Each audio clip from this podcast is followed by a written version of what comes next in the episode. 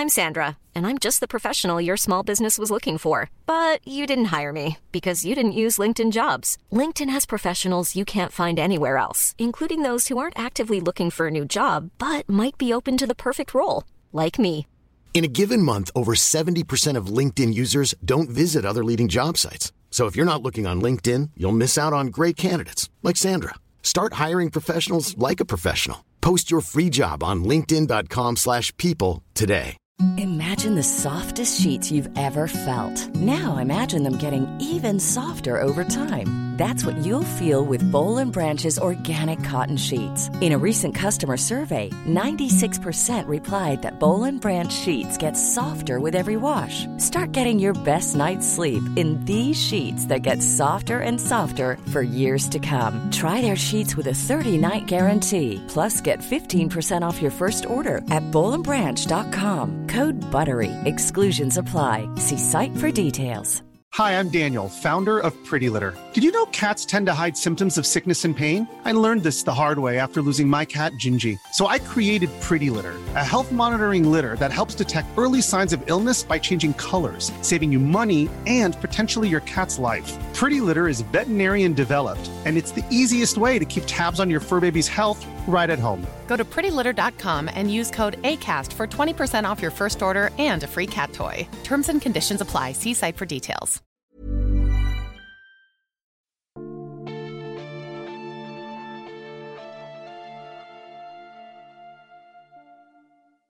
Välkomna till Sagan om Isfolket-podden avsnitt 25 Ängel med dolda horn.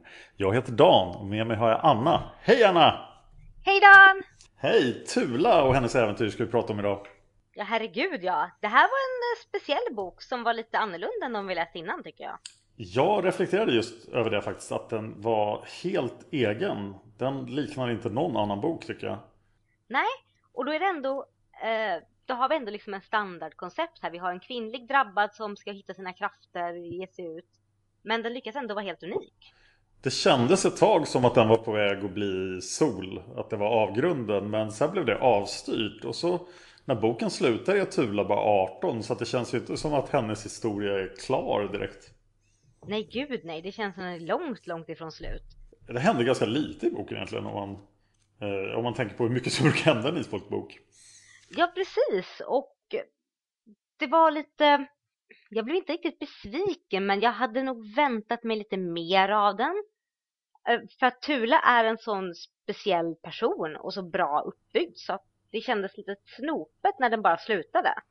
Ja, men trots det tyckte jag ändå att det var bra och fängslande. Och jag sträckläste faktiskt boken den här gången. Det är första Oj. gången jag gör det, tror jag. Ja, Den är bra definitivt men jag vet inte, den, som säger hon är ju bara 18 när den slutar. Vad, vad händer med resten? En annan sak jag reflekterar över var vad långsamt tiden går i sagan helt plötsligt. Förut hoppar vi 30 år i en bok, men nu är det här, nu hoppar vi nästan bakåt lite och så händer det parallellt med Anna-Maria. Och vi har inte kommit framåt alls nästan. Nej precis, men jag tror att jag reflekterar lite grann över det också. Och förut var det ofta så att vi fick se, vi fick följa en person i varje nation eller att flera personer vars historia hakade i varandra men det var inte så mycket tillbakablickar. Nej, och, och nu i och med att vi tydligen ska följa Eskil så känns det som att det nästan är tre böcker som utspelar sig under ett, två år. Ja, och det är lite, jag är inte negativ till det. Men på ett sätt önskar jag att det hade kommit lite innan, typ alltså vi fått, fått ha samma uppbyggnad med typ Tengel och Are och Tarjei och Cecile och alla dem. Oj, det hade varit trevligt. Eller hur? Jag, jag kommer ihåg den här boken också som från tidigare gånger läste den som mycket värre på något sätt. Att det var att den var snuskigare och att det hände mer saker. Men jag tyckte den var ganska småtrevlig sen när jag läste den. Men det är mycket sex i den här boken. Ja det är ju det men det är ändå inte så här jätteexplicit heller. Men det är väl Ja på grund av att man har sett Game of Thrones så tycker man allting är städat. Jag är böjd att hålla med dig. Men särskilt om jag tänker på att jämföra med de tidigare böckerna. Jag menar Djupt i jorden och Våroffer, Demonen och Jungfrun, Vargtimmen. Alltså det var länge sedan. Alltså riktigt länge sedan vi hade så här mycket sex. Då måste jag gå tillbaka till Vinden från öster och Vendets lilla eh, Menasha One Quatre. Ja, Många. Menage många. Menasha många. För att få så här mycket sex som vi ändå hade i den här boken. Ja, väldigt misslyckad sex. För det mesta. Ja. Och jag, skulle, jag tänkte att vi skulle prata lite mer om Tulas eh, sexerfarenheter. Och lite längre in, för jag har väldigt mycket intressanta tankar om det. Absolut, det ska vi göra. Vi kan alltid prata om sex. Ja! För det är ju ändå isfolket. Ja, vi har ju en åldersgräns-ish på den här podden som du kom fram till sist. Ja, det har vi ju faktiskt. Mm. Så om du känner att du är för liten för att lyssna på oss så gör det inte. Nej, det är omoraliskt och bygger inte upp karaktär. Fall inte för frestelsen. Fast du kan falla för den ändå, för vi är rätt trevliga. Ja, nu ska vi prata om Kryp-Olle.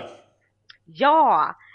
Och den här briljanta personligheten Krypolle som Tula träffar på när hon är fem år. Ja, han verkar gått i skola hos de där eh, alla kvinnor som hade samma namn. Vad hette de? Ella. Ja, just det ja. Ja, att det är så här långsiktig hämnd. Någonting hände för länge sedan men nu ska jag hämnas. Precis, jag struntar i om jag kanske åker fast igen för jag måste hämnas på det här. Mm, hämnd. Ja, det är kul att man har drivkrafter i livet men kanske borde hitta en hobby. Ja, Kryp-Olle, han har ju ett jobb. Han skulle kunna göra ett nytt liv av sig själv. Men nej, han ska hämnas på Posse. Precis, Arvid Posse som då äger Bergkvar där Tula bor med mamma Gunilla, pappa Erland och morfar Arve. Var det verkligen Arvid? Var inte det ungen som hette Arvid? Eller hette båda Arvid? Båda heter ju Arvid Posse och morfar heter Arve, eller? Eh, vad förvirrande.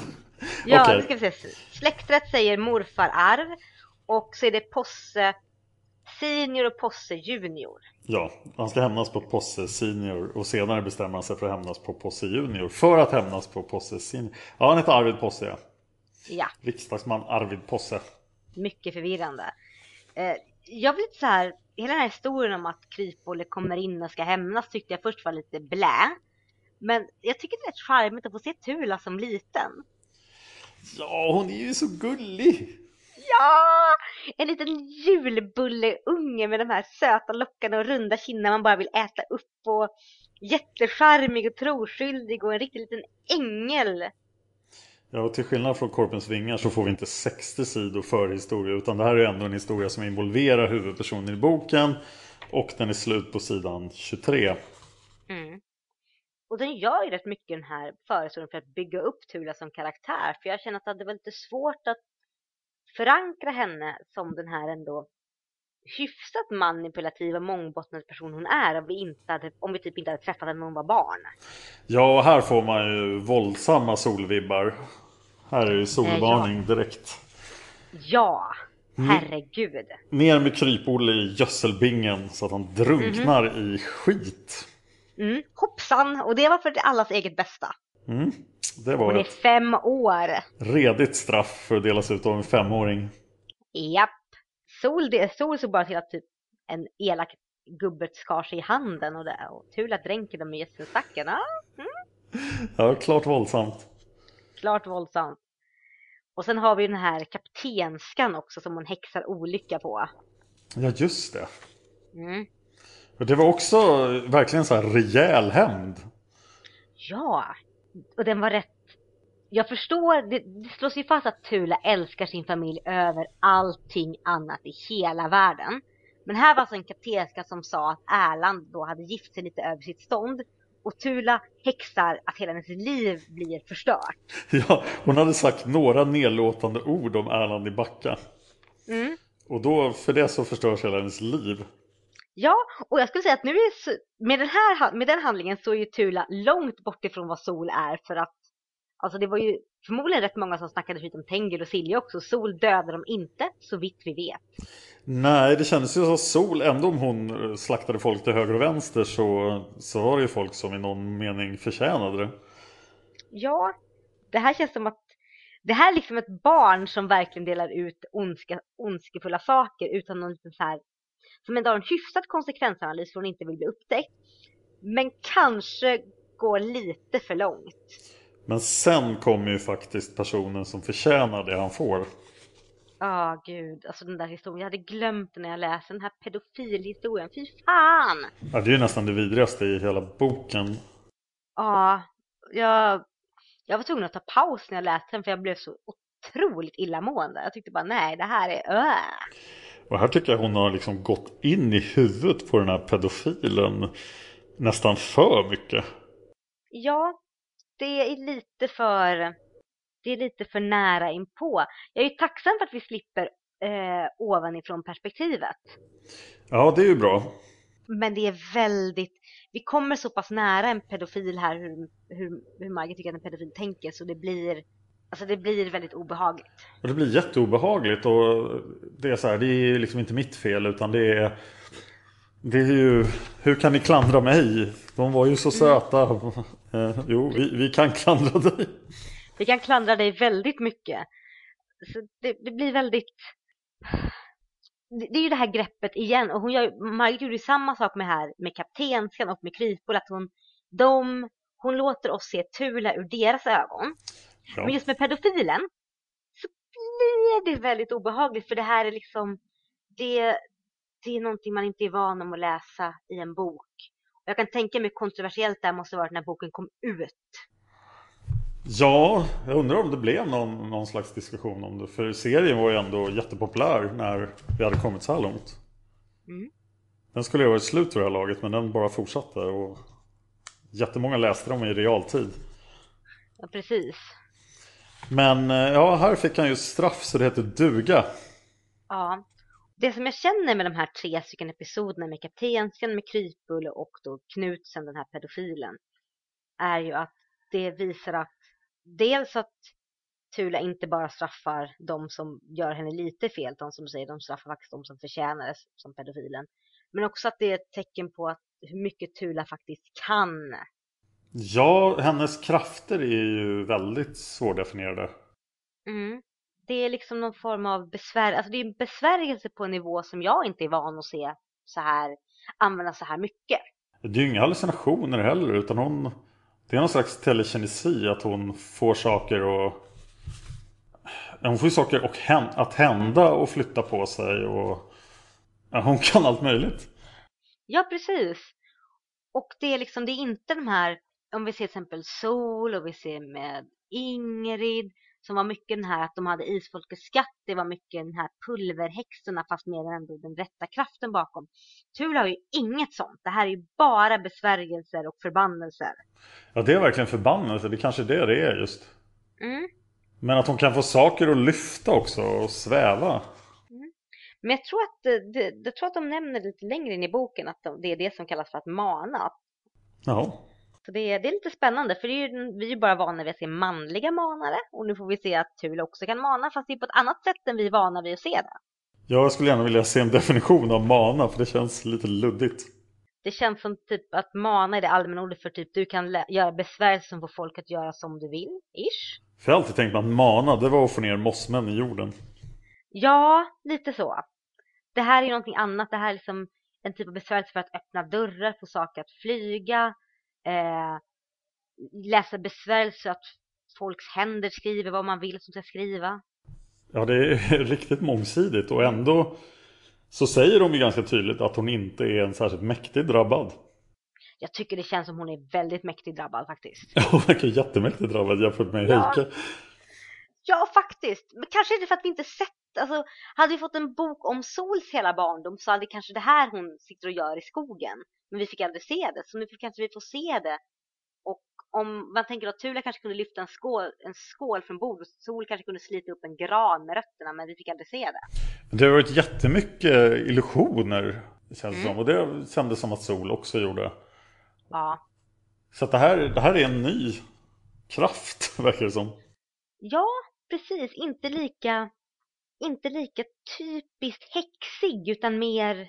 Alltså, lite trollkarlsliknande på ett sätt. Ja, nästan.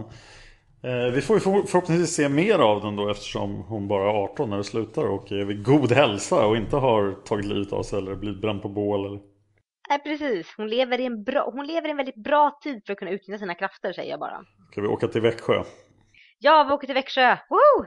Ja, massa fina... Det är spännande att åka till Växjö, men det finns ju musikhandel. Ja, och dit ska hon in för Tula är ju väldigt musikbegåvad. Ja, och där huserar Thomas. Ja, krymplingen Thomas som har förtvinade ben.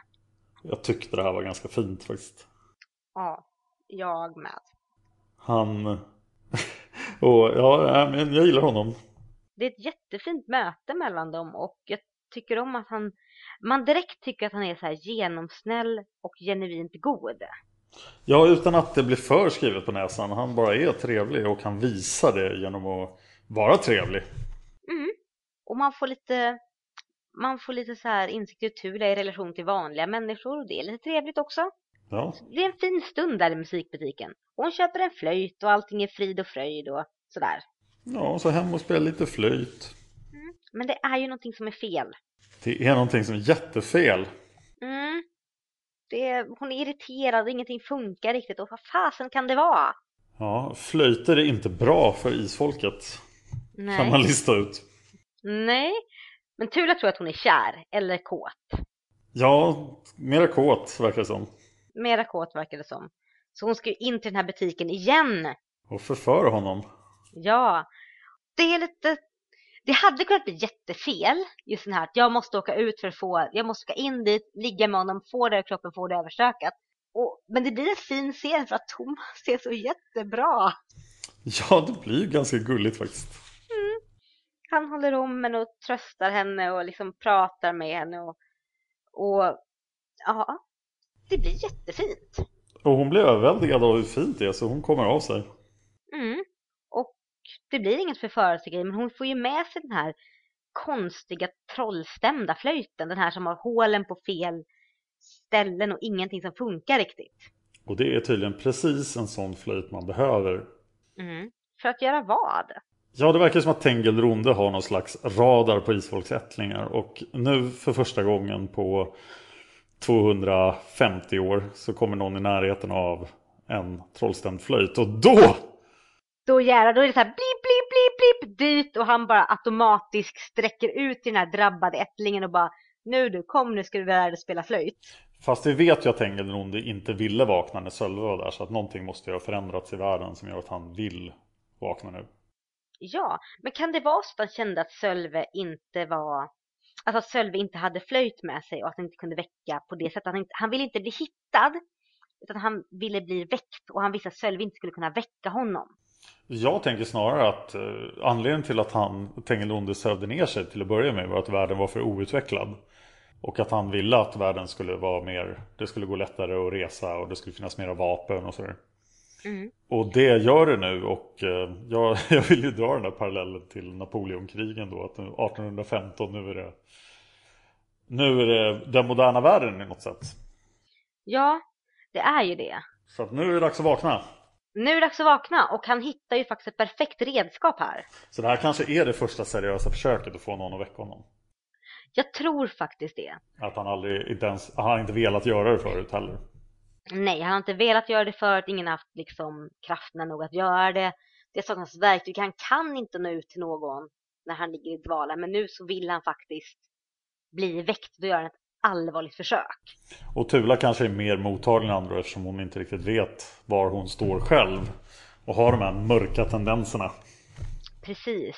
Det kan ju vara så också att det kan faktiskt vara så att Tengil Nonde bedömde Sölve som totalt instabil och inte värdig att väcka honom. För Sölve var ju rätt galen när han kom fram. Så kan det ha varit, men jag kan inte se varför Tula skulle vara värdig. Ja, men hon är form... Jag, tror att jag kan tänka mig att hon kanske inte är värdig, men hon är formbar. Hon är en ung flicka som är lätt att manipulera och så förmodligen ett bättre verktyg än vad Sölve hade blivit. För Sölve var ju väldigt självgod.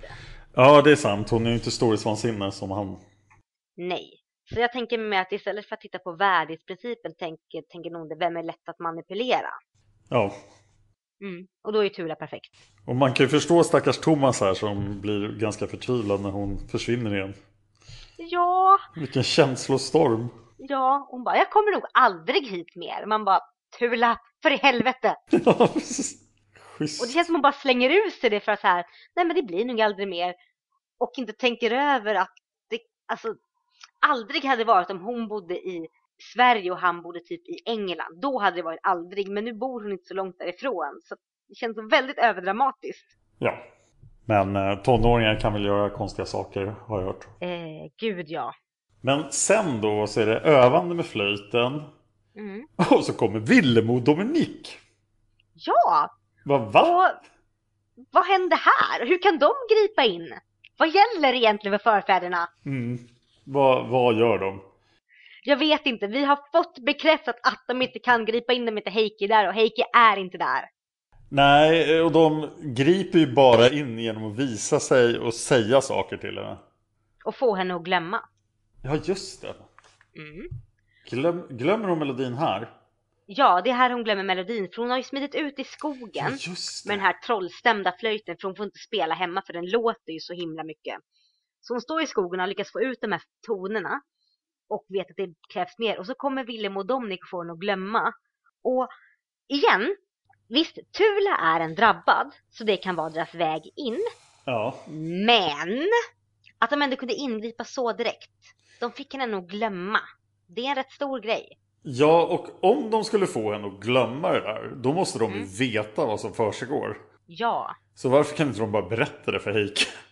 Nej men precis, och vi fick ju reda på i förra boken att vandraren står och sänder ut signaler att det här, någonting håller på att hända. Ja. Men de kan inte sända ut de här signalerna till att du Heike, Tula, flöjten, bad grej. Nu är ju vandraren här också i, eh, i Sverige till råga på allt. Mm. Så nu gäller inga regler längre och det här gör mig väldigt orolig. Ja, jag tycker inte om det alls. Men på plussidan Mm. så blev jag lite glad över att Willem och Dominic dök upp igen för att det var kul att se dem. Eh, Och att de var, verkade vara mycket mer, jag vet inte riktigt, de verkar ha mognat med sin uppgift som förfäder. ja. Sådär.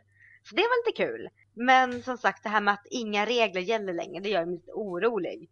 Eh, Och sen reagerade jag väldigt starkt, det kommer inte här utan lite senare, men måste ändå tala om det, det här med att de utvalda står skyhögt över oss drabbade.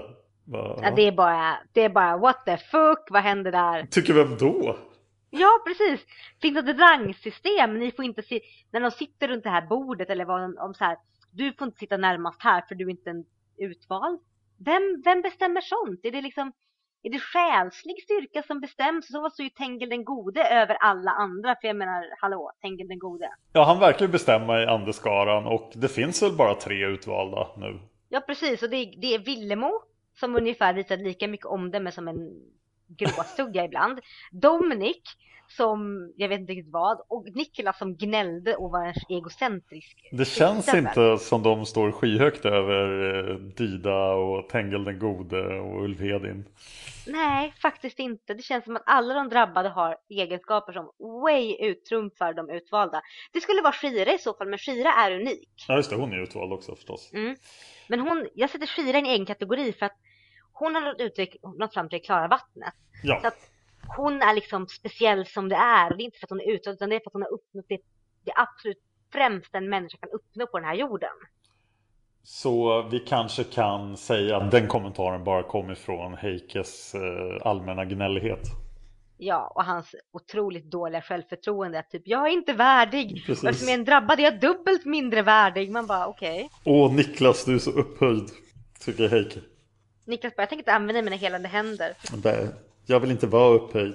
Nej, jag tänker gnälla över allting. Du är upphöjd. Din mamma är upphöjd, tycker Niklas. Trond är mer upphöjd och han tjatar ändå bara med att han dör. Mm, han gör inte det i den här boken heller. Nej, han har inga repliker i den här boken heller. Nej, tur det, för då vet du vad han skulle ha sagt. När jag dog i 30-åriga kriget. Men okej. Willem och Dominik Ja. stoppar henne och sen kommer då Heike och, Och Vinga. Och de vet inte att hon är drabbad, de vet bara att någonting är fel. Och de vet att det rör Tula. Hur kan de inte veta att hon är drabbad? Fast de, det är jättesvårt att se. Hon har ju inte de gula ögonen. Nej.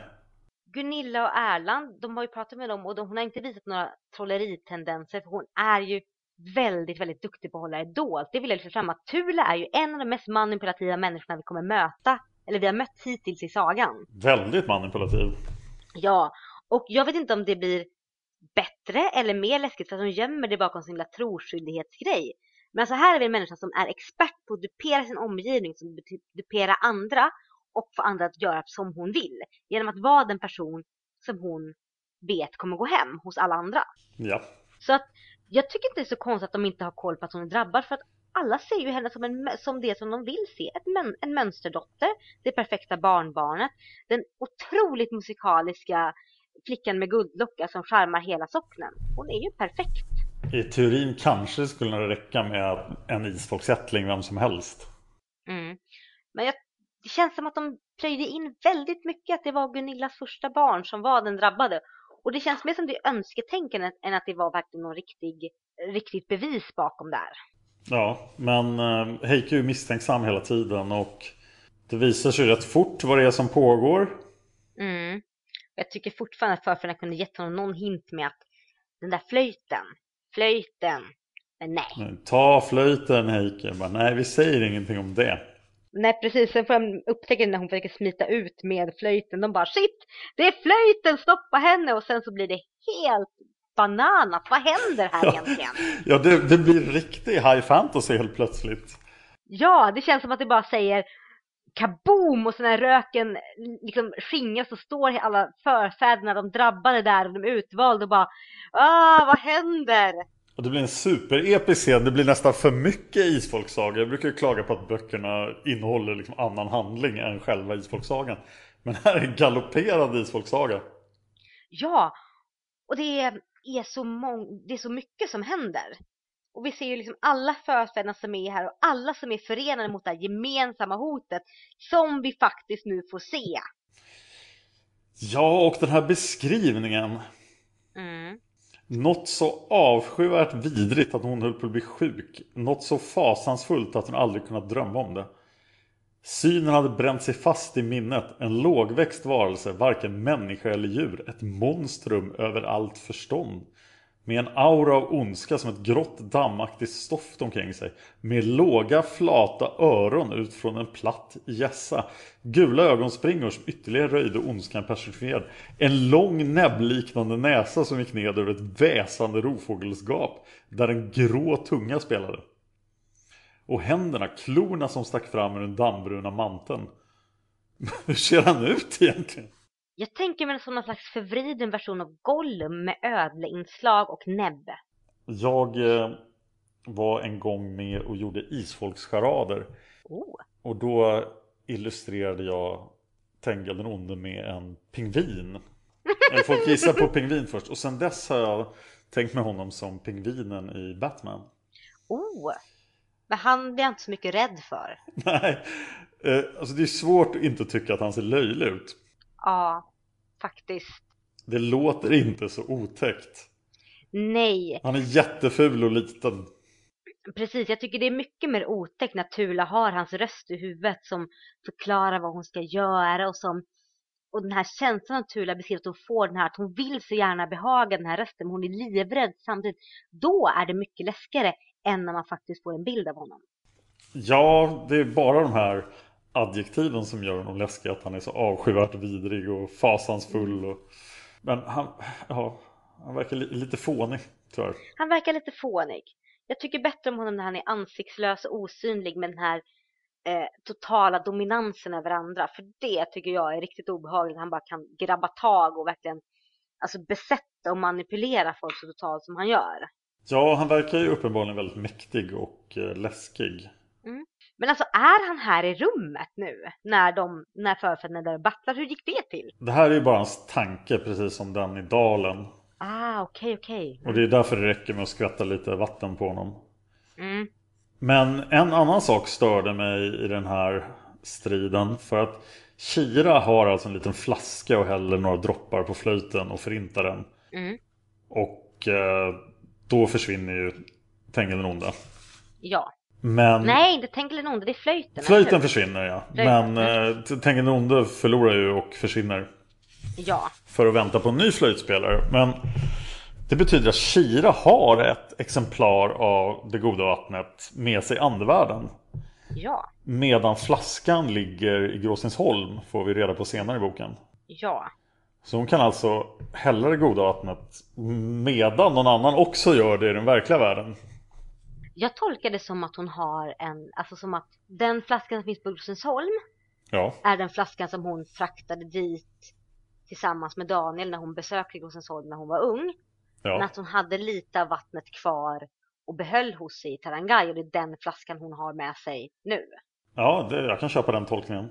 Ja, annars känns det jättekonstigt för då är det bara så här, hade inte tur, hade inte Shira bara kunnat ta den jävla flaskan, gå ut från Grossensholm och sen hade allt varit frid och fröjd istället för att Heiko och Vinga skulle klänga på husväggar för några böcker sedan. Kan inte hon bara andevandra upp till dalen och hälla det klara vattnet där?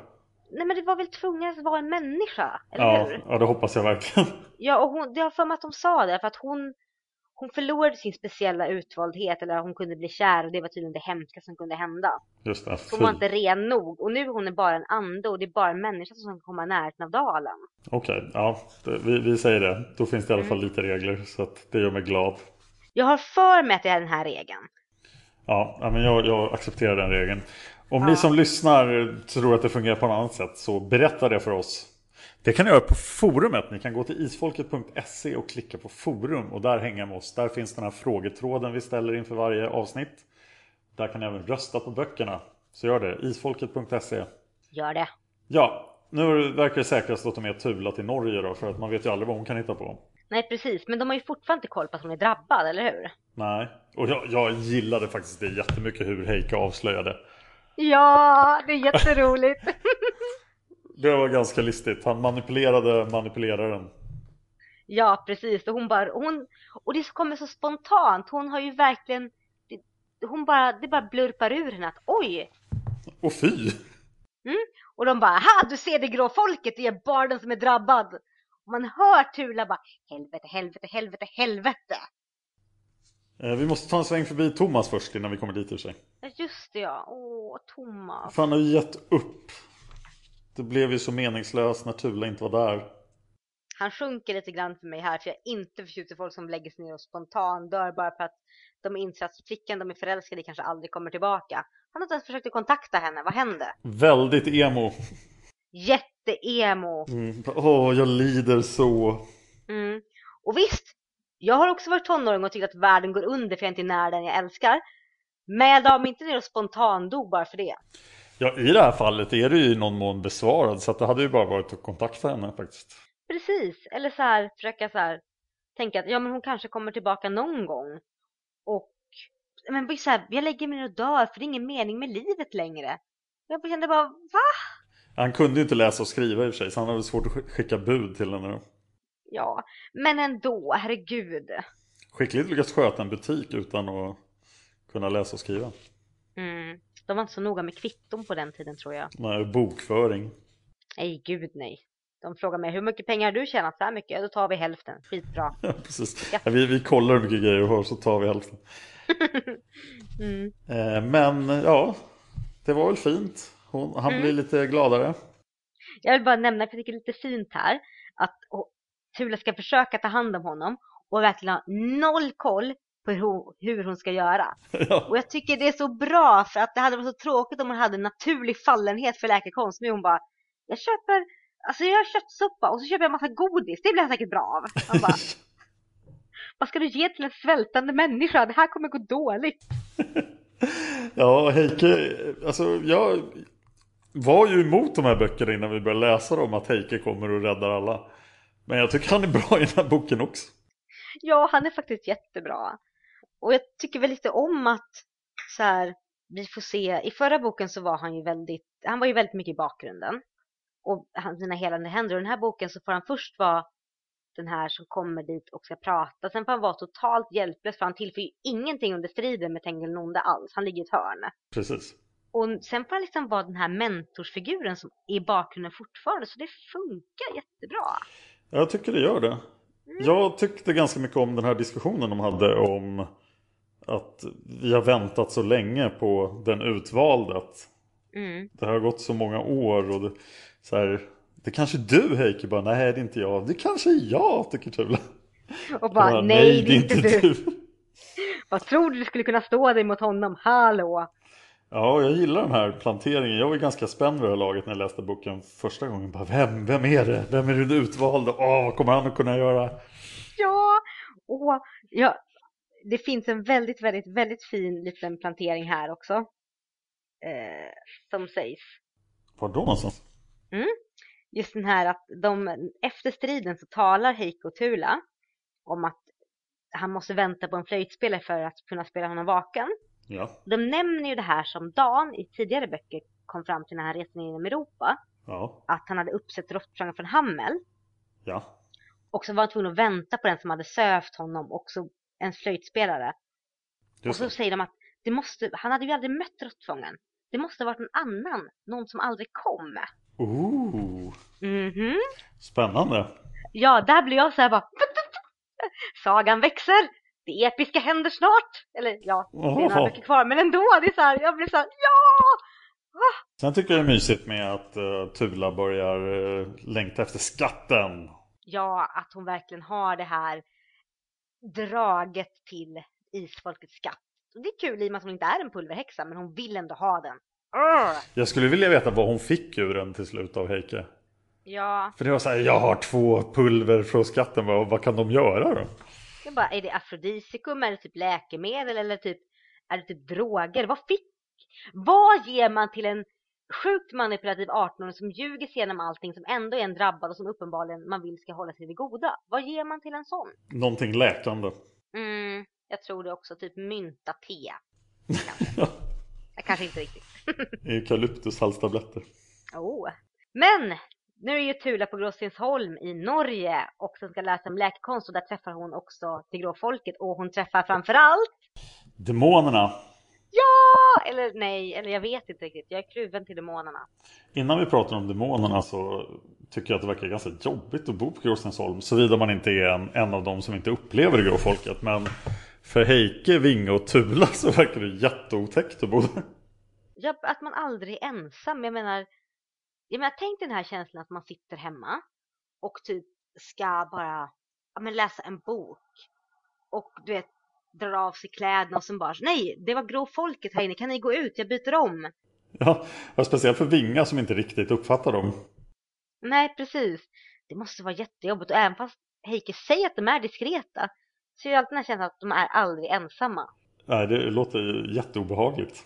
Ja, visst nu verkar det som de har rätt mysigt där. Liksom när Heike och Vinga kommer hem så blir då folket jätteglada att se dem och de väntar sig beröm för att de har skött gården och Heike pratar massor med en. Så det verkar som att de är en del av familjen men fortfarande en väldigt död del av familjen. Ja, det är nästan så att de viftar på svansen när Heike kommer hem. Lite grann såhär Yay! The master is home! Happiness and cookies! Och Eskil, vad tycker vi om Eskil? Han har ingen koll på det grå folket. Nej, Eskil verkar vara en sån här han verkar vara en sån här typisk person som lever i skuggan av två stycken väldigt starka föräldrar men som samtidigt har noll ansvarstänk. Ja, han låter som en äventyrare. En, Ja. Jag ska åka till Eldafjord. Ja!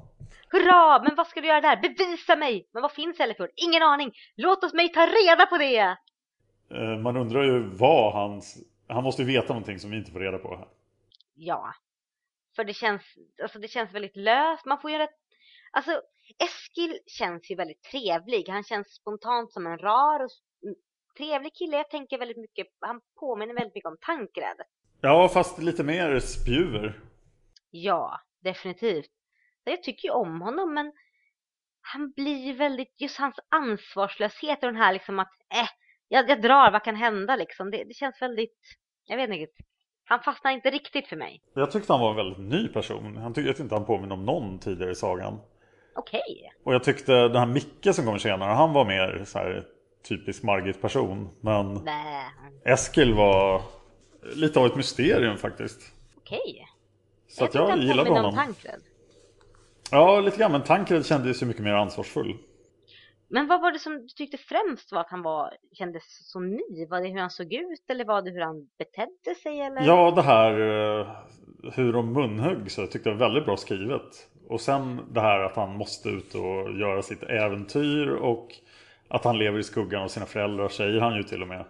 Så att ja, jag blir nyfiken på honom. Jag vill veta mer om honom. Mm. Och det får jag inte göra i den här boken. Nej, men kanske senare. Ja, ja det lär jag få göra nästa bok. Misstänker jag. Ja. Ah, men demonerna då alltså.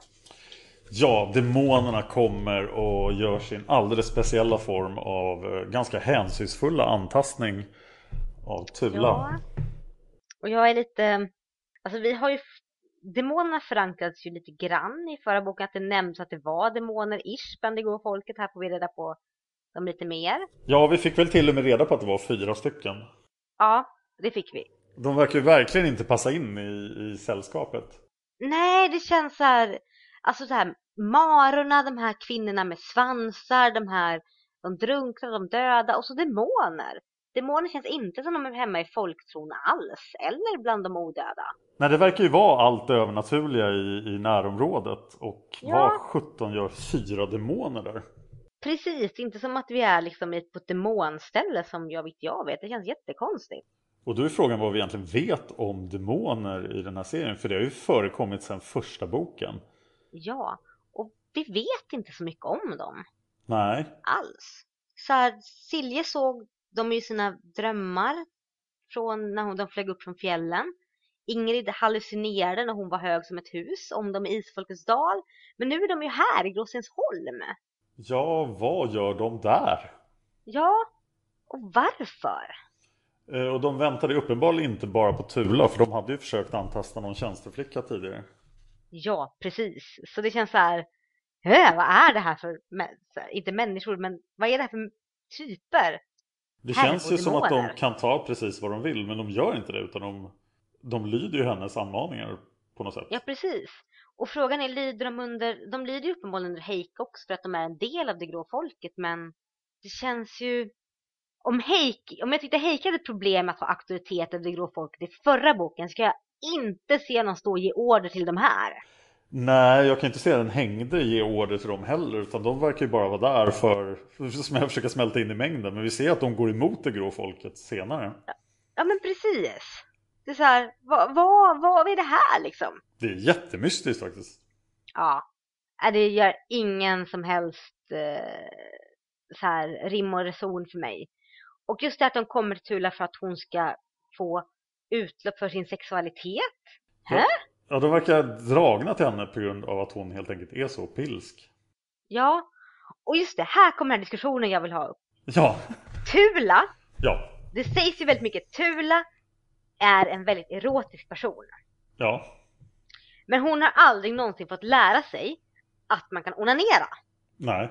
Och det faller inte ens i hennes huvud på något sätt in att hon kan ta på sig själv.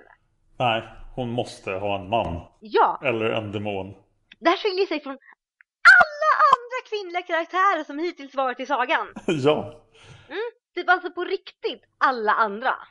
Ja, då undrar jag ju faktiskt hur eh, lär sig kvinnor det av sig självt eller? Alla andra verkar lära sig det av sig själv och det är så jag utgår från att det gör att man plötsligt bara är kåt och tar på sig själv och sen så händer det grejer. Men att Tula är så verkligen inställd på att hon måste ha en man för att det här ska funka. Ja. Det, det känns lite krystat för mig. Ja men kan, det måste ju hända. Kan verkligen alla lära sig det av sig själva? Nej, det, jag tror inte att alla kan lära sig av sig själva och jag tror säkert att det inte riktigt så här är så alla funkar heller. Men det är just det att hon verkar inte ens försöka ta på sig själv. Nej. Och den, det är just den grejen för att man, alla kan ju inte få orgasm av att ta på sig själv. Vissa måste ha liksom hjälp och så här. Som att hon inte ens försöker, att det bara är så här tvär, bara nej. Det, det är liksom ingen idé att jag försöker själv överhuvudtaget.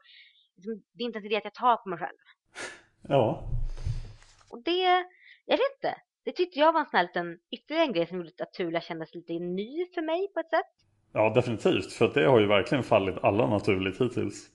Precis, det har varit så här, ja, folk har, men som Sol tog till droger och ja, Villemo som fanns sedan Bergakungen och allt möjligt. Och här Tula bara nej, det Ja. måste vara en man. Eller demoner, fyra stycken tydligen.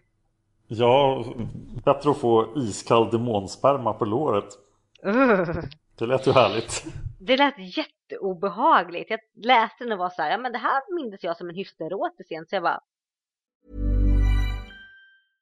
Imagine the softest sheets you've ever felt. Now imagine them getting even softer over time. That's what you'll feel with Bowl and Branch's organic cotton sheets. In a recent customer survey, 96% replied that Bowl and Branch sheets get softer with every wash. Start getting your best night's sleep in these sheets that get softer and softer for years to come. Try their sheets with a 30-night guarantee. Plus, get 15% off your first order at bowlandbranch.com. Code BUTTERY. Exclusions apply. See site for details.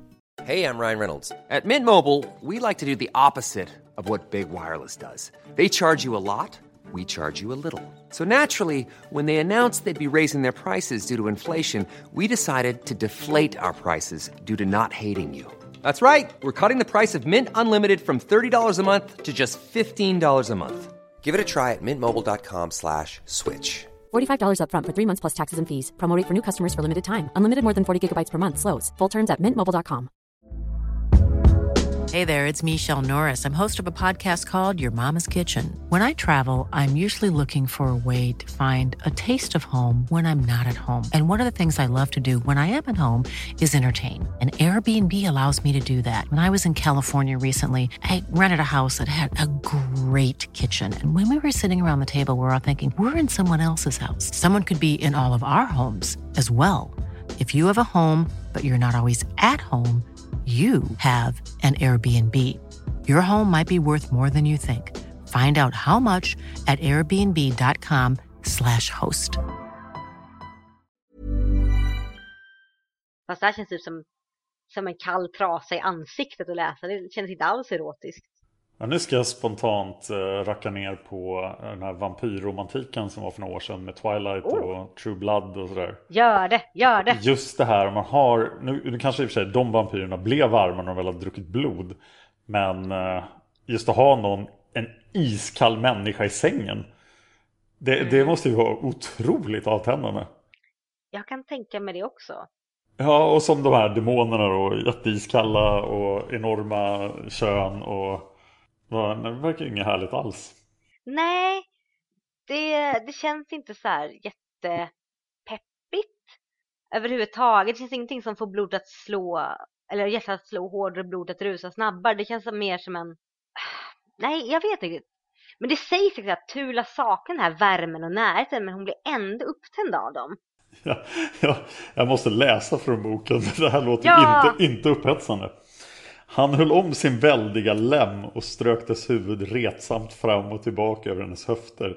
Det var iskallt, så iskallt som döden själv. Och varje gång han snuddade över hennes känsligaste punkt ryckte hon häftigt till. Det är alltså som att någon kommer med någonting iskallt i, i samma storlek som en djupfryst gädda och stryker över hennes höfter och mellan ben. Det låter inte... Det låter inte jätteerotiskt Nej. alls. Nej, Sen verkar det nästan som att de har för tidig utlösning också för de sprutar ner henne med den där kalla sperman väldigt Ja. snabbt. Ja, och det känns inte heller som en sån här särskilt tändande grej. Det bara du täckte iskall demonsperma. Men det verkar ju fungera på Tula för hon blir ju, får ju multipla orgasmer här. Nej, multipla får hon väl inte? Nej, en häftig obändig orgasm fick hon faktiskt. Ja, okej. Men det är så här, det känns konstigt. ja, det känns lite märkligt. Men hon Ja. verkar gilla det och det är ju huvudsaken när man har sex att alla gillar det, eller hur? Precis, de verkar vara med på det, hon verkar vara med på det. All, de, de har en bra överenskommelse. Ja, Men det är ändå lite så här konstigt. Jag funderar på den här, grundar sig i den här fantasin som, just om vi tänker tillbaka på det här som sa med vampire, vampyrromantiken. Den här fantasin man måste ha en överjordisk älskare som kan klara av att tillfredsställa ens behov. Att det är någon form av kanalisering för det som kommer till uttryck i det här med demonerna. ja hon verkar ju ha ganska goda chanser att tillfredsställa sina behov med fyra sådana. Demoner med jätteorgan.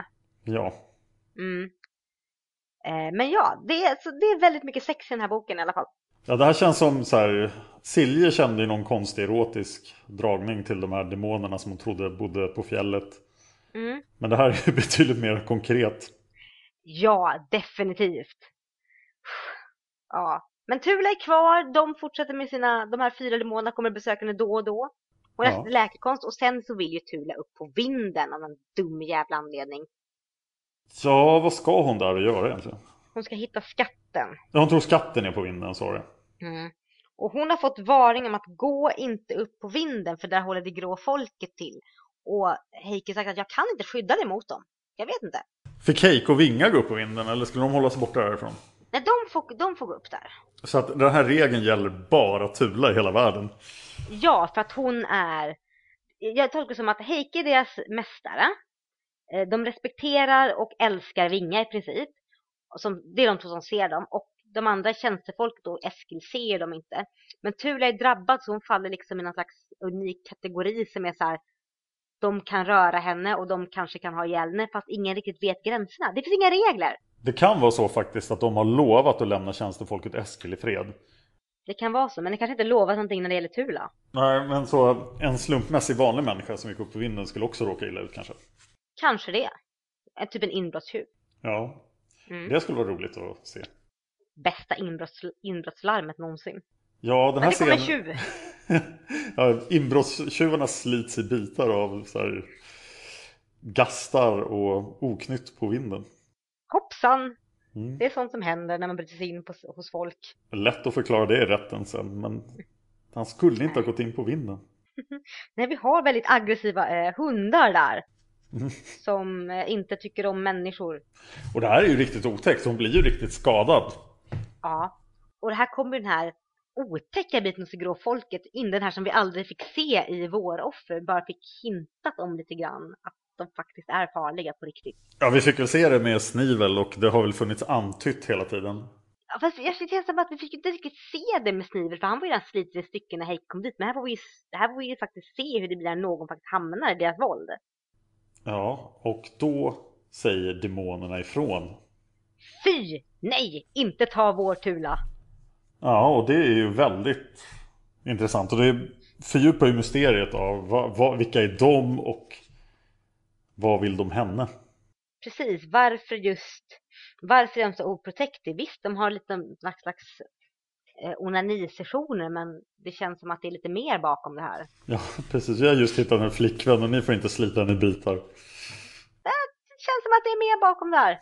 Mm. Det är kanske mer bakom det faktiskt. Mm. Men det här gör ju att, den här händelsen gör ju att Tula inte kan stanna på Drottensholm längre. Hon måste ju därifrån. Dags att dra och jag trodde ju faktiskt att eh, demonerna skulle följa efter henne. Det trodde jag med. För jag, jag köpte inte för ett ögonblick att de var bundna till Gråstensholm på något sätt. Nej, gud nej. Det kändes bara jätte... Det kändes inte alls bra. Men de följer inte efter. Nej, och hon kommer därifrån. Och hon och Eskil ska till Sverige. Tror ja, de. för Sverige och Norge är i union också. Precis, under en enda kung. Kronprins. Ja. Jean-Baptiste Bernadotte. Precis. Mm. Det är historia här.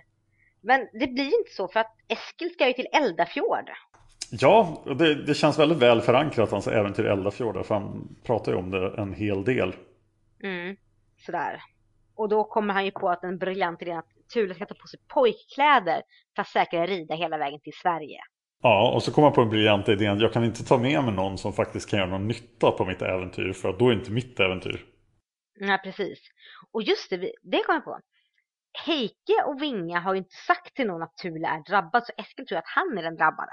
Jag tror han det verkligen. Jag hoppas väl bara att han är det. Ja, men det är önsketänkande. Att de bara så här, han bara, men jag tror, ibland så ser ibland så tror jag att det ska komma någon runt knöken och så gör det det och det gör att jag är drabbad. Yay! Och man bara, nej, det är inte så det funkar. 50% av gångerna kan jag gissa vilket mynt det blir, eller vilken sida av myntet som kommer upp.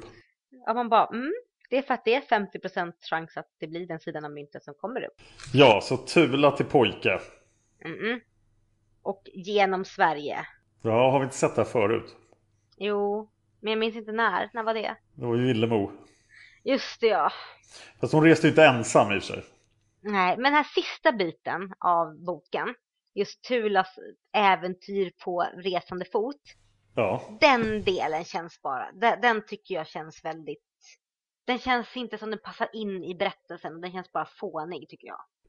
Ja, det är väl någon slags... Alltså bokens handling är väl Tulas resa till känslomässig mognad. Och det måste hända de här sakerna för att hon ska förstå mm. någonting. Men jag tycker boken i viss mån saknar handling. Ja, lite så. Alltså det är centrerat runt Tula helt och hållet. Ja. Och jag tror att det som, om man jämför den med Sols bok som också på ett sätt saknar den här handlingen som bara handlade om Sol. Så Ja. hade vi ändå drivpunkt att det handlade om Sol som häxa i ett århundrade där man bränner häxor, hennes jakt på sann kärlek och djävulen och hennes anknytning till familjen. Men här känns det som det bara är Tula och någon slags tonårs mojsigojs. För Tula känns inte alls på långa vägar så mogen som Sol gjorde. Nej, och Sol är ju dömd och som fantastisk karaktär så att den boken är ju mycket bättre. Ja, Men jag, jag tycker ju om att det här på något sätt slutar lyckligt. Till skillnad från Mm. Solhistorien. Ja, jag hade inte riktigt klarat av ett, en till död ung häxa. Ja, ska vi gå igenom hennes episoder här då? Hon träffar eh, eh, Efraim, Efraim som tycker om... Eh, pojkar. ja, Vi har ing, vi har, alltså det, det är svårt det här med Margit och homosexualitet. Alltså det, det, det faller inte riktigt som jag vill att det ska falla här. Alltså. han verkar tycka om väldigt unga pojkar också så det känns lite, lite otäckt. Inte riktigt helt okej. Nej. Särskilt inte när vi haft en väldigt läskig pedofilhistoria i början av boken så känns det verkligen inte okej. Eh, nej, Minjong. va? Mm. Alltså vi har den biten. Men vi söver honom och drar vidare för att hans synd var inte så farlig då. Nej precis, och men Tula var ändå lite såhär åh, åh, åh, och sen bara nej just det, han tror att jag är pojke, då funkar det inte så, bye bye. Och sen träffade hon ju på Micke, ja, Micke. mm, som du tyckte var en stereotyp, eller? Ja, lite grann. Ja det är han faktiskt. Och det intressanta är att hon bara, ja det här kanske, kanske jag kan göra någonting av. Bara han inte var så smutsig på halsen. Ja, alltså jag tänker ju så, jag satt och läste igen det här stycket jättemånga gånger hela Micke-historien, jag bara, ja, nej, det känns inte bra. Du minns när man har varit på live i flera dagar? Ja. Du vet, man har varit ute i skogen i typ fyra fem dagar, inte hunnit duscha, man har sovit sina kläder, eh, inte hunnit byta underkläder, den här, den här, och har den här känslan efter livet när man typ ska ut i verkliga världen och går in på McDonalds och man känner med sig ett moln av svettlukt, någon slags inpyrd rök och smuts som har satt sig i huden. Ja. Som man tar med sig in på McDonalds. Och jag tänker mig att det är så på mycket fast 40 gånger värre. ja, men det låter nog som en rimlig tolkning. Men det är enda problem med honom för annars är han jättecharmig tydligen. Ja, men jag kan inte tänka mig varför hon vill ligga med honom för den, alltså den smutsen alltså, den, den vill man inte ta i med tång. Nej, Och sen är men- han inte så, sen är han inte så charmig, han vill ju mest bara typ ligga. Ja, och skryter med hur mycket han har legat med folk och, eh, och med Efraim. Ja, precis, man bara, du är en seller alltså, wow. Men allt är okej fram till att han visar sig vara en tjuv. Då är det inte okej. Nej, precis, då har en så här, typ, först erbjuder de ett kyffe på en möglig halm på en bakgata, men när han snor en gammal dams penningpung, då jävlar. Ja, han kommer ändå ganska lindrigt undan tycker jag. Ja, Tula hade kunnat göra så mycket värre saker med honom. Ja, om vi tänker vad hon redan gjort med folk. Eh, ja. Och sen är det dags för prästen Teofil. Ja, just det, Teofil. Vad tycker vi om Teofil egentligen? Ja, det här kom jag ihåg helt annorlunda faktiskt än vad scenen Okej. var. Så jag undrar om jag kommer ihåg någon annan scen som kommer senare. Eller något, för jag blev, jag hade faktiskt väldigt tydliga minnen av den här scenen och den var inte alls som jag kommer ihåg. Ah, okej. Hur, vågar du säga hur du minns den eller blir det Eh, spoilers nej. okej, då gör vi inte det. Eh, Men ja, han tafsar på henne och Och Tula leker att hon är typ 14 och inte förstår vad som händer och det är lite jobbigt det här alltså. och det vet ju alla att präster tycker det är jättemysigt. Ja, det känns, det, det, det känns väldigt, väldigt mycket som inte känns rätt i den scenen. Är det här en sån här känga till kristendomen igen som Margit gillar? Jag tror, att det är, jag tror att det är en känga till kristendomen som inte är subtil alls utan det är en stor känga rakt i ansiktet. Ja, återigen är det folk som sprutar på Tula. Mm. Det är väldigt mycket konstigt det här. Alltså. Mm. Och sen så är den här kapten, eller det här befälet. Ja, han blir ordentligt straffad i alla fall. Ja, han försöker tafsa på henne och ja, ingenting går bra. Ja, men det var ju ändå okej. Det var ju liksom, han var ju lite rolig tills han trodde att hon var en prostituerad. Precis, då var det inte okej längre. Och det var det som var problemet. Ja, inte att han typ tafsade på henne och ville ligga med utan att han... Det gick på stoltheten där. Ja. Eh, ja, han förlorar sin auktoritet och blir arbetslös och lever sitt liv i misär. Precis, för han raggade på fel flicka. Och här reflekterar hon ju faktiskt över att hon kanske var för hård. Ja. Men det känns som att efter alla de här händelserna som hänt nu med Efraim, Micke, prästen och det här soldatfält så känns det faktiskt som att hon börjat kanske, jag vet inte, med reflektionen att hon varit svårt kommer, kommer också en reflektion över att vad hon egentligen vill. Ja, men hon har ju fortfarande inte riktigt, alltså inte fått utlopp för alla sina lustar. Ja, förutom Nej. med demonerna då. Ja, det var ju ett tag sedan. Ja, så att nu behöver hon Thomas helt klart. Ja, men det blev väldigt fint. För Thomas har ju shapat upp sig massor. Ja, det blir ju jättefint. Ja, och jag tycker det finaste av allt är faktiskt att hon kan vara helt öppen med honom. Ja, det är superfint. Jag, jag blev faktiskt riktigt rörd där och vilken annorlunda kärlekshistoria. Ja, för att det är väldigt många av, av dem vi har sett som har varit drabbade och gift sig. Förutom de här groteska männen. Ja. Tengelmar, Ulverin, Heike.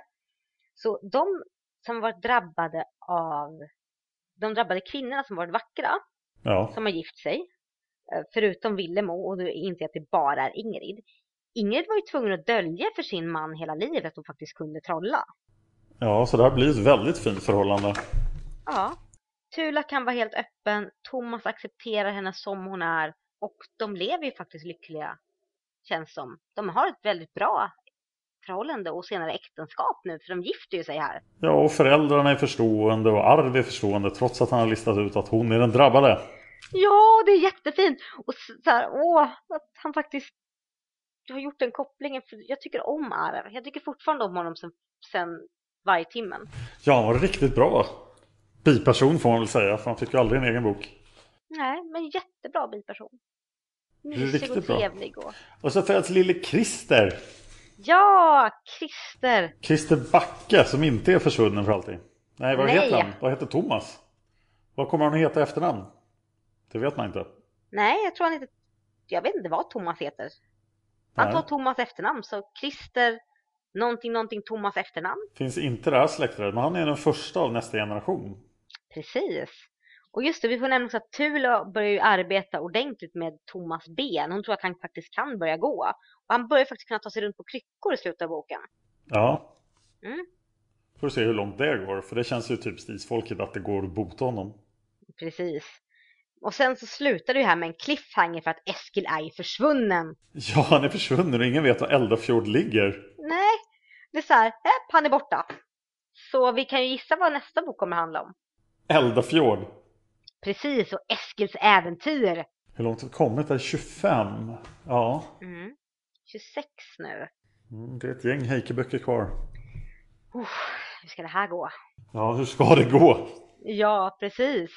Vi har fått en iTunes-kommentar. Nej, vad roligt! Ja. Eh, den kommer från ett namn som jag kommer att uttala fel. Eh, jag, Kassielisven, har gett oss fem stjärnor på iTunes. Vi vill jättegärna ha iTunes-recensioner, så recensera oss på iTunes. Och tack för fem stjärnor, yay! Och så här säger hon, tror jag att det är. Då Margits böcker hjälpt mig genom väldigt låga punkter i mitt liv är jag så tacksam över att det finns fler som älskar dem lika mycket. Det är fantastiskt att lyssna när ni analyserar varje bok och är ärliga med era åsikter, vad som funkar och vad som inte gör det. Det är viktigt att man kan kritisera någonting man tycker så mycket om. Ni lyckas även locka fram skratt under varje avsnitt och är det någonting jag inte är nöjd med så är det att det endast kommer ut ett avsnitt varannan vecka. Jag vill ha ett avsnitt varje vecka. Tack för en fantastisk podd, Anna och Dan. Åh, tack så jättemycket, det var en hemskt recension. Ja, tack så jättemycket och tänk på att om vi hade gjort ett avsnitt i veckan då hade det varit över nu. Då hade vi passerat bok 47. Mm, och det vill vi inte ska hända riktigt än. Vi Nej. är ju bara halvvägs där. Vi vill göra Demonernas fjäll live på Gotcon i påsk. Och vi vill göra någonting, eh, förhoppningsvis någonting speciellt för avsnitt 47. Och sen vill vi ju faktiskt fortsätta med den här podden. Men det kommer vi att prata mer om när vi börjar närma oss där. Börjar närma oss där, ja, någon gång nästa år. Ja. för det finns en del böcker kvar att prata om. Precis, Margit har ju inte bara gjort Isfolket. Mm. Och nu har vi bara fyra böcker kvar till bok 29. Peppen! Gud, hypen! Jag kan inte andas när du säger sådär. Vi kommer att hypa oss så mycket för bok 29 att, uh, att vi kommer, att bli besvikna på den. Nej, kan vi bli besvikna på den? Uh, det återstår att se. Mm. Vi har även då på forumet som ni hittar på isfolket.se, klicka på forum, så finns det ett eh, underforum som heter Fel och missar i böckerna. Och där vill vi att ni skriver upp alla fel och missar ni hittar i böckerna. Speciellt då i bok 26-47 som vi inte har poddat om än. I den här boken, den här feljakten har pågått i tio år då. Men trots det så har vi bara hittat ett enda fel. Eh, och det felet hittades av Regina Noctis. Som säger följande. Tula sticker upp på vinden för att leta efter skatten innan hon åker hem till Småland. Detta är våren 1817. Det nämns ett par sidor tidigare. Tula är ensam hemma. För alla var ute eller bortresta från gården i efterbjudningar efter Vingas 40-årsdag. Alltså bör Vinga ha fyllt 40, bjudit in till kalas och så har hon och Heike blivit inbjudna till andra i gengäld. Det är bara det att Vinga har inte fyllt 40 än, inte borde ha fyllt 40 på flera månader ännu. För i Demonen och Jungfrun undrar nämligen Heike hur gammal Vinga egentligen är. Och då svarar Vinga, jag vet inte längre. Jag är född, men jag är född på hösten 1777. Detta att hon är född på hösten nämns flera gånger i och med att hon och Heike sätter en gräns till hennes 18-årsdag. För Heike är ju fullkomligt övertygad om att bara Vinga får se en annan pojke så kommer hon glömma honom. Så antingen kände Vinga för att fira sin 40-årsdag alldeles för tidigt eller så är det en liten miss helt enkelt då. För hon borde inte ha fyllt 40 förrän på hösten samma år. Det känns inte som Vinga skulle fira sin födelsedag för tidigt. Så jag, jag vill klassa det som en miss. Jag skulle tro att det är en miss ja. Mm. lite småslarvigt. Fråga, Ja, är frågan är när hon ens firade sin 40-årsdag om hon inte vet när hon är född. Nej, hon, alltså hon vet ju 17, ja. Hon har, får ju bara bestämma liksom att jag firar min födelsedag den 18 oktober. Ja men precis. Någon gång på hösten, kanske typ i samband med en stor fest. Och inför varje avsnitt av den här podden så lägger vi ut en frågetråd på forumet och vi vill att ni skriver saker om den här boken vi poddar om. Och det gjorde vi även den här gången. Och nu ska Anna läsa Heikes svar. Ja! Och de frågorna vi ställde var, vad tycker du om boken? Vilket är bokens bästa ögonblick? Och vilken är din favoritkaraktär och varför? Och Heike svarar så här. Nu har jag läst boken flera gånger, så jag vet ju vad som komma skall. Men jag gillar verkligen historien om den mest hemliga drabbade, mer hemlig än Sölve, som nästan trillar över på den onda sidan. Pedofilstoryn gör mig illamående. Det är verkligen vidrigt att läsa om hur gubben hetsar upp sina tre små barn och han tafsar på sin lilla dotter. I början av Isfolksagan var det mycket historia om Sverige, Norge och Danmark. Det har nästan helt försvunnit i de senare böckerna och det tycker jag är synd. Jag läste alltid det med spänning så jag saknar det faktiskt nu. Bokens bästa ögonblick. Villemo och Dominic gör ett gästspel för att försöka hjälpa Tula. Jag älskar att andarna börjar få mer utrymme i böckerna. Det känns precis som att träffa gamla vänner igen. Hela avsnittet där andarna hjälper Tula mot Tengil den onde är för övrigt jättespännande. Men lite synd om Heike är det nog ändå. Han hamnar ju på golvet i ett hörn och ligger där helt utslagen medan andarna gör rent hus. Favoritkaraktär? Thomas ger ett sympatiskt intryck direkt, precis som det antagligen är meningen att han ska göra. Det slår mig att Eskil är en kopia av Tankred. Aha, jag var inte ensam om den kopplingen. Nej, tydligen inte. Nej, Heike fortsätter. Förutom att de båda är rödhåriga så har båda en pojkaktig charm och humor som gör att de känns mer som goda vänner än sexsymboler. Deras föräldrar är starka idrottskaraktärer, vilket gör att sönerna försvinner lite i skuggan av mor och far. Mina tankar om boken i övrigt. Naturliga Tula till pojkar så har han problem med sängplats varje gång hon ska ta in på ett härberge. Hon tvingas alltid sova med andra män. Men på ett ställe i boken står att hon lärde sig mästra problem med sängplatser så hon slapp ligga i karlarnas sovsalar. Hur löste hon det? Det förklaras inte i boken så vitt jag kan se. Och dagens roligaste kommentar hittas på sidan 199. Och jag citerar. Han hade en sensuell kropp med unga vackra knän och muskler i armarna. Heike säger, åh vilka vackra knän du har, de är så unga. Vidare säger Heike till slut, scenen mellan Tula och pastorn är jätterolig. Det är så kul att gubben verkligen tror att han kan stocka henne utan att hon märker något. Stocka. Stocka henne, det är det mitt nya favorituttryck. Ja, jag var på väg att hänga på youngniece.com här men jag ska fortsätta med nästa kommentar. Ja. Det är Svartvatten som svarar och eh, vi frågar henne vad hon tycker om boken och hon säger Den är väldigt bra. Det hinner hända väldigt mycket i den här boken utan att det känns för påskyndat. Man får veta om Tulas barndom och fram till nutid på ett snyggt sätt. Det är fint hur hon skyddar sina nära och kära när hon är liten. Senare vid våldtäkten tycker jag att det är för väl beskrivet. Det blir väldigt obehagligt. Jag älskar hur Villemo och Dominik visar sig för henne i skogen. Hon fattar inte att det var dem. Andarna kommer snyggt in i storyn. Den här boken är viktig i sagan. Det händer så mycket, flöjten och allt. Jag gillar hur Tula förändras av flöjten och hur hon hamnar i Tengil den ondes grepp. Och när han dyker upp där och de får fightas lite emot honom. Spännande, spännande! När Heike får henne i sin fälla och hon avslöjar sig som drabbad genom att kunna se det grå folket. Det var lite kul tycker jag. Sen vet jag inte riktigt vad jag ska säga om Tula och hennes demoner. Haha! Ser en rodnad smiley. Gillar även den del där hon klär ut sig till pojke. Villemo gjorde också det. Det blir ofta så spännande och romantiskt på något sätt. Synd bara att hon ska råka ut för så många pervon överallt. Usch! Tur att hon får snälle Thomas. Han är bra. Vilket är bokens bästa ögonblick. Jag gillar när Tula och Eskil får träffas igen. Han är sådär roligt småelak och jag gillar stämningen i den scenen. I den här boken tyckte jag faktiskt om Eskil. Han är rolig och tror verkligen på sina egenskaper. Vilken är din favoritkaraktär och varför? Hmm. Borde kanske vara Tula då hon är den hon är. Men jag tror spontant jag måste säga Vinga! Både i denna och i förra boken är hon så, hon så härlig med Heike. Man känner verkligen vilken relation de har. Ja men det är sån du är Heike, försök inte luras nu, typ haha. Något jag stör mig på lite med i boken är att Tulas föräldrar absolut inte kan prata med henne om ifall det är något fel, något som tynger henne.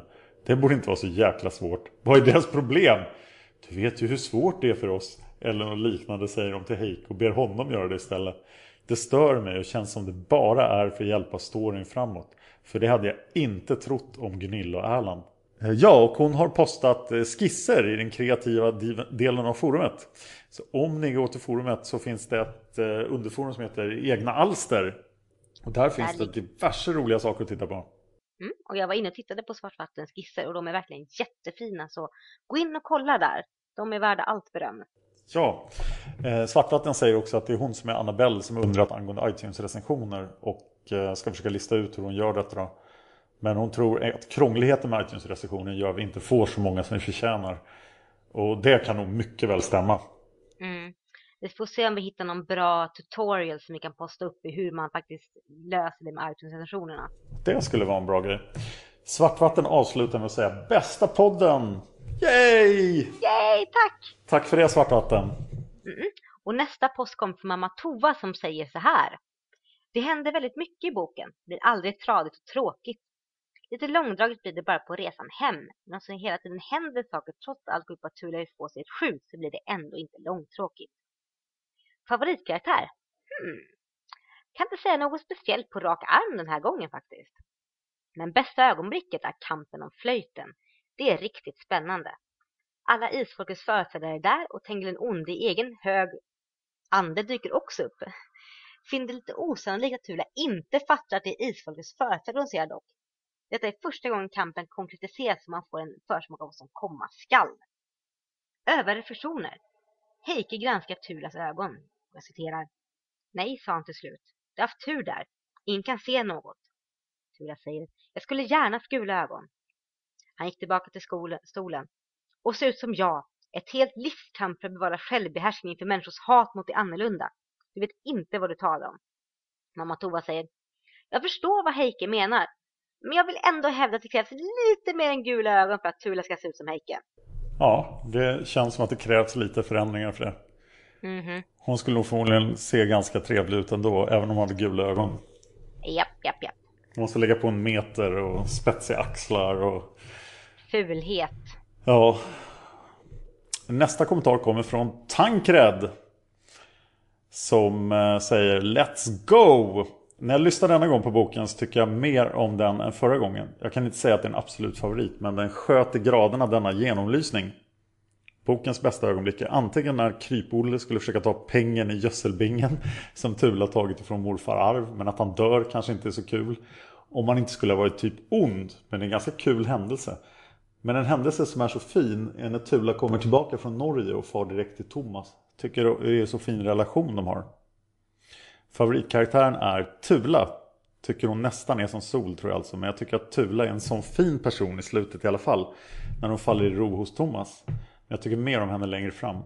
Men Tula är lite för mig en blandning mellan häxa, en djävul och en ängel. En ängel med dolda horn helt enkelt. Ja, jag tyckte ju att ängel med dolda horn upprepades lite väl många gånger i boken.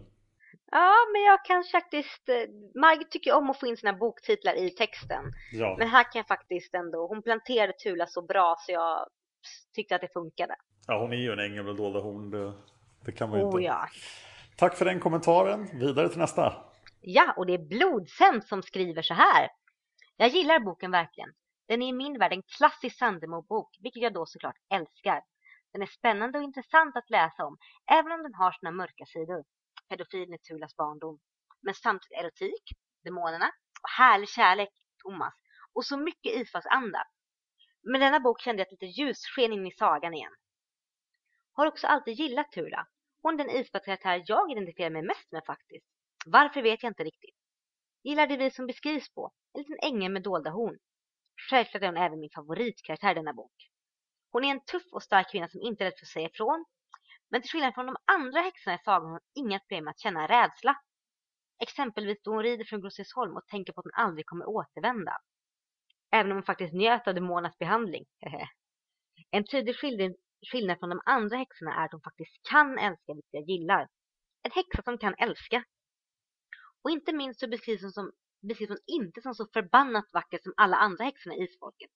Hon ser alldaglig ut, som en vanlig person och kan vara vem som helst liksom. Favoritscen i boken är svår att svara på nu då jag läste boken för så många år sedan. Men om jag måste säga något nu skulle jag säga scenen då hon snor en knut på pedofilens käraste ägodel med tanken. Rätt åt den jäveln! Som vanligt, jättebra podd Anna Dan.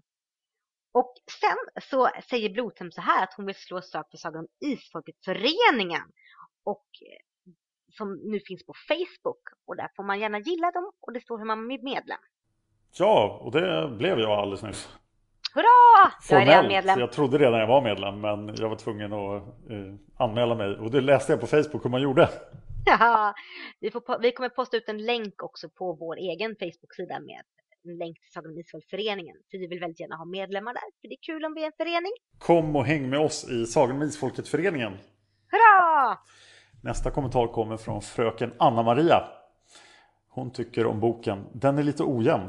Jag har ju svårt för andarnas ingripande i historien och tycker gott att de tog lite väl stort utrymme i kampen med Tengil den onde.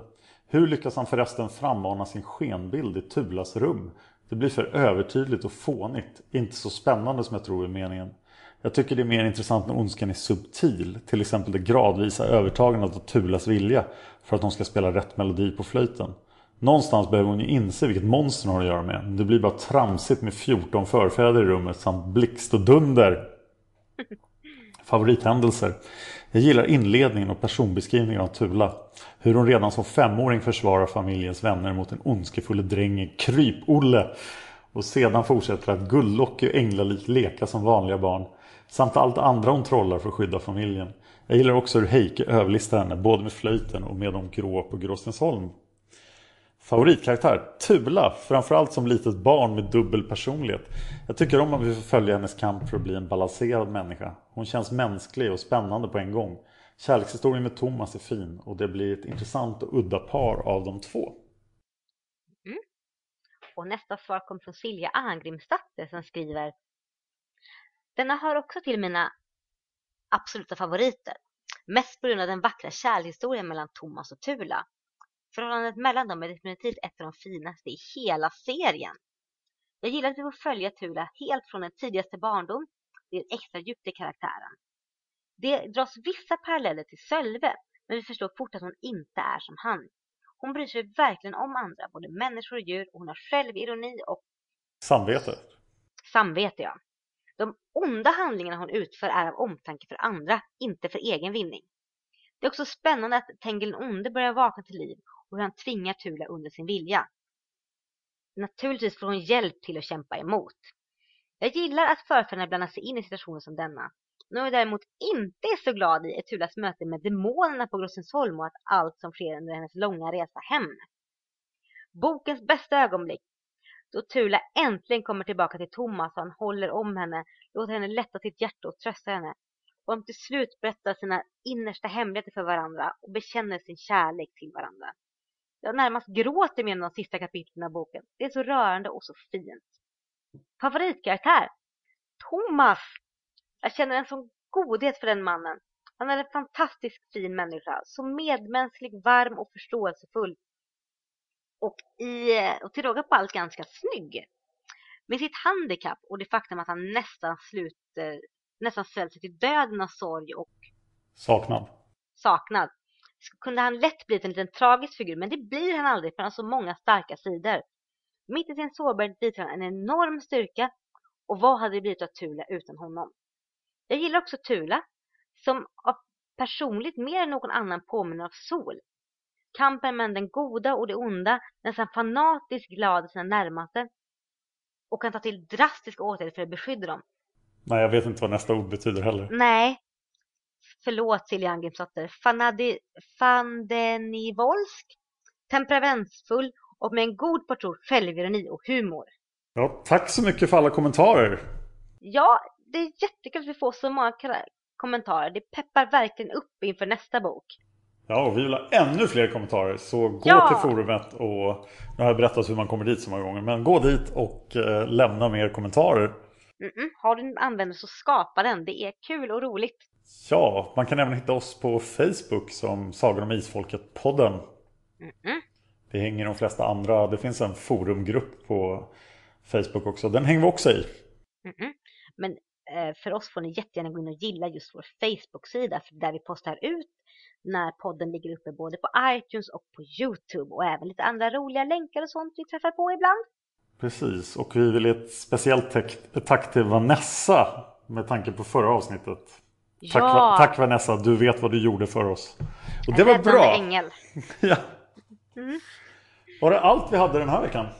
Jag tror det. Så vad kan lyssnarna hitta mer av dig till nästa gång? Jag har precis startat en, nu kommer jag att datera den här podcasten. Jag gör ju massa andra podcaster och jag har precis startat en Pokémon Go podcast. Den finns på YouTube-kanalen Hard Nerd Café. Alltså tuffa nördarnas café. Hard Nerd Café. Där finns även min Game of Thrones podcast som heter Game of Thrones Chat. Eh, The Pokepod heter min Pokémon Go podcast. Sen gör jag även en podcast om Magic och eh, jag gör en om antik historia som heter Fan of History. Finns både på YouTube och iTunes. Och sen gör jag ju en podcast om Palmemordet också. Så om du känner någon som är intresserad av Palmemordet så finns den på YouTube som Palmemordet och på iTunes som Palmemordet. Vad kan lyssnarna hitta mer av dig Anna? Ja, jag eh, har en Facebook-sida, Setsuna Seras, som man jättegärna får gå in och gilla. Där skriver jag lite, där postar jag ut mina bloggposter, jag skriver lite grann om, ja, postar ut roliga bilder på katter och lite annat. Och sen har jag köpt en blogg, setsunaseras.blogspot.se, som man jättegärna får gå in och läsa. Där skriver jag om allt möjligt, om lite feminism och lite saker och om söta kattungar. Sen finns jag på Twitter och där heter jag Anna Seras och där får man jättegärna gå in och följa mig. Jag kom på en sak till vi borde säga faktiskt. Som jag faktiskt glömmer att säga ibland. Oj, Det är att vi har en YouTube-kanal. Och vi, ja det har vi faktiskt. vi lägger upp de här avsnitten på YouTube också. Eh, Den heter Margit Sandemo SE. Och om ni söker på Isfolket-podden på YouTube så kommer ni hitta den. Där är också ett jättebra ställe att skriva kommentarer till oss. Det kan ni göra på forumet eller på Facebook också, men det funkar på YouTube med. Ja, och där kom, kan ni kommentera under varje avsnitt ifall det är något speciellt ni undrar över just det avsnittet. Vi ska bli bättre på att kolla kommentarerna och även svara på dem. Men har ni ett avsnitt som ni sitter och funderar över varför tänkte de så här eller om det är något som låter lite konstigt. Klicka in på det avsnittet på Youtube och fråga där så svarar vi så snart vi kan. Ja, det är faktiskt extra bra att svara just där, för då kan andra som har samma fundering se att någon annan har kommenterat det redan. Och eh, så behöver vi inte svara på samma sak jättemånga gånger. Väldigt bra. Ja, tack för att ni lyssnar på oss och vi är tillbaka i bok 26. Ja, och det som heter, vad heter den? Huset i Eldafjord. Huset i. Eldafjord. Ja, då åker vi dit. Tills dess får ni ha det så bra. Ha det bra. Hej då!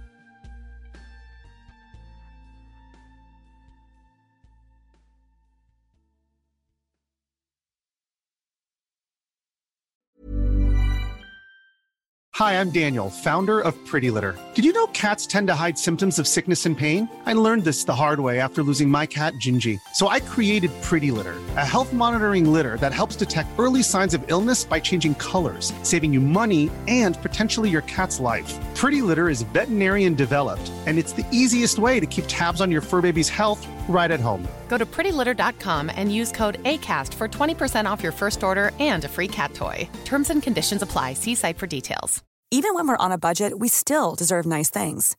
Quince is a place to scoop up stunning high end goods for 50 to 80% less than similar brands. They have buttery soft cashmere sweaters starting at $50, luxurious Italian leather bags, and so much more. Plus, Quince only works with factories that use safe, ethical, and responsible manufacturing. Get the high-end goods you'll love without the high price tag with Quince. Go to quince.com/style for free shipping and 365 day returns.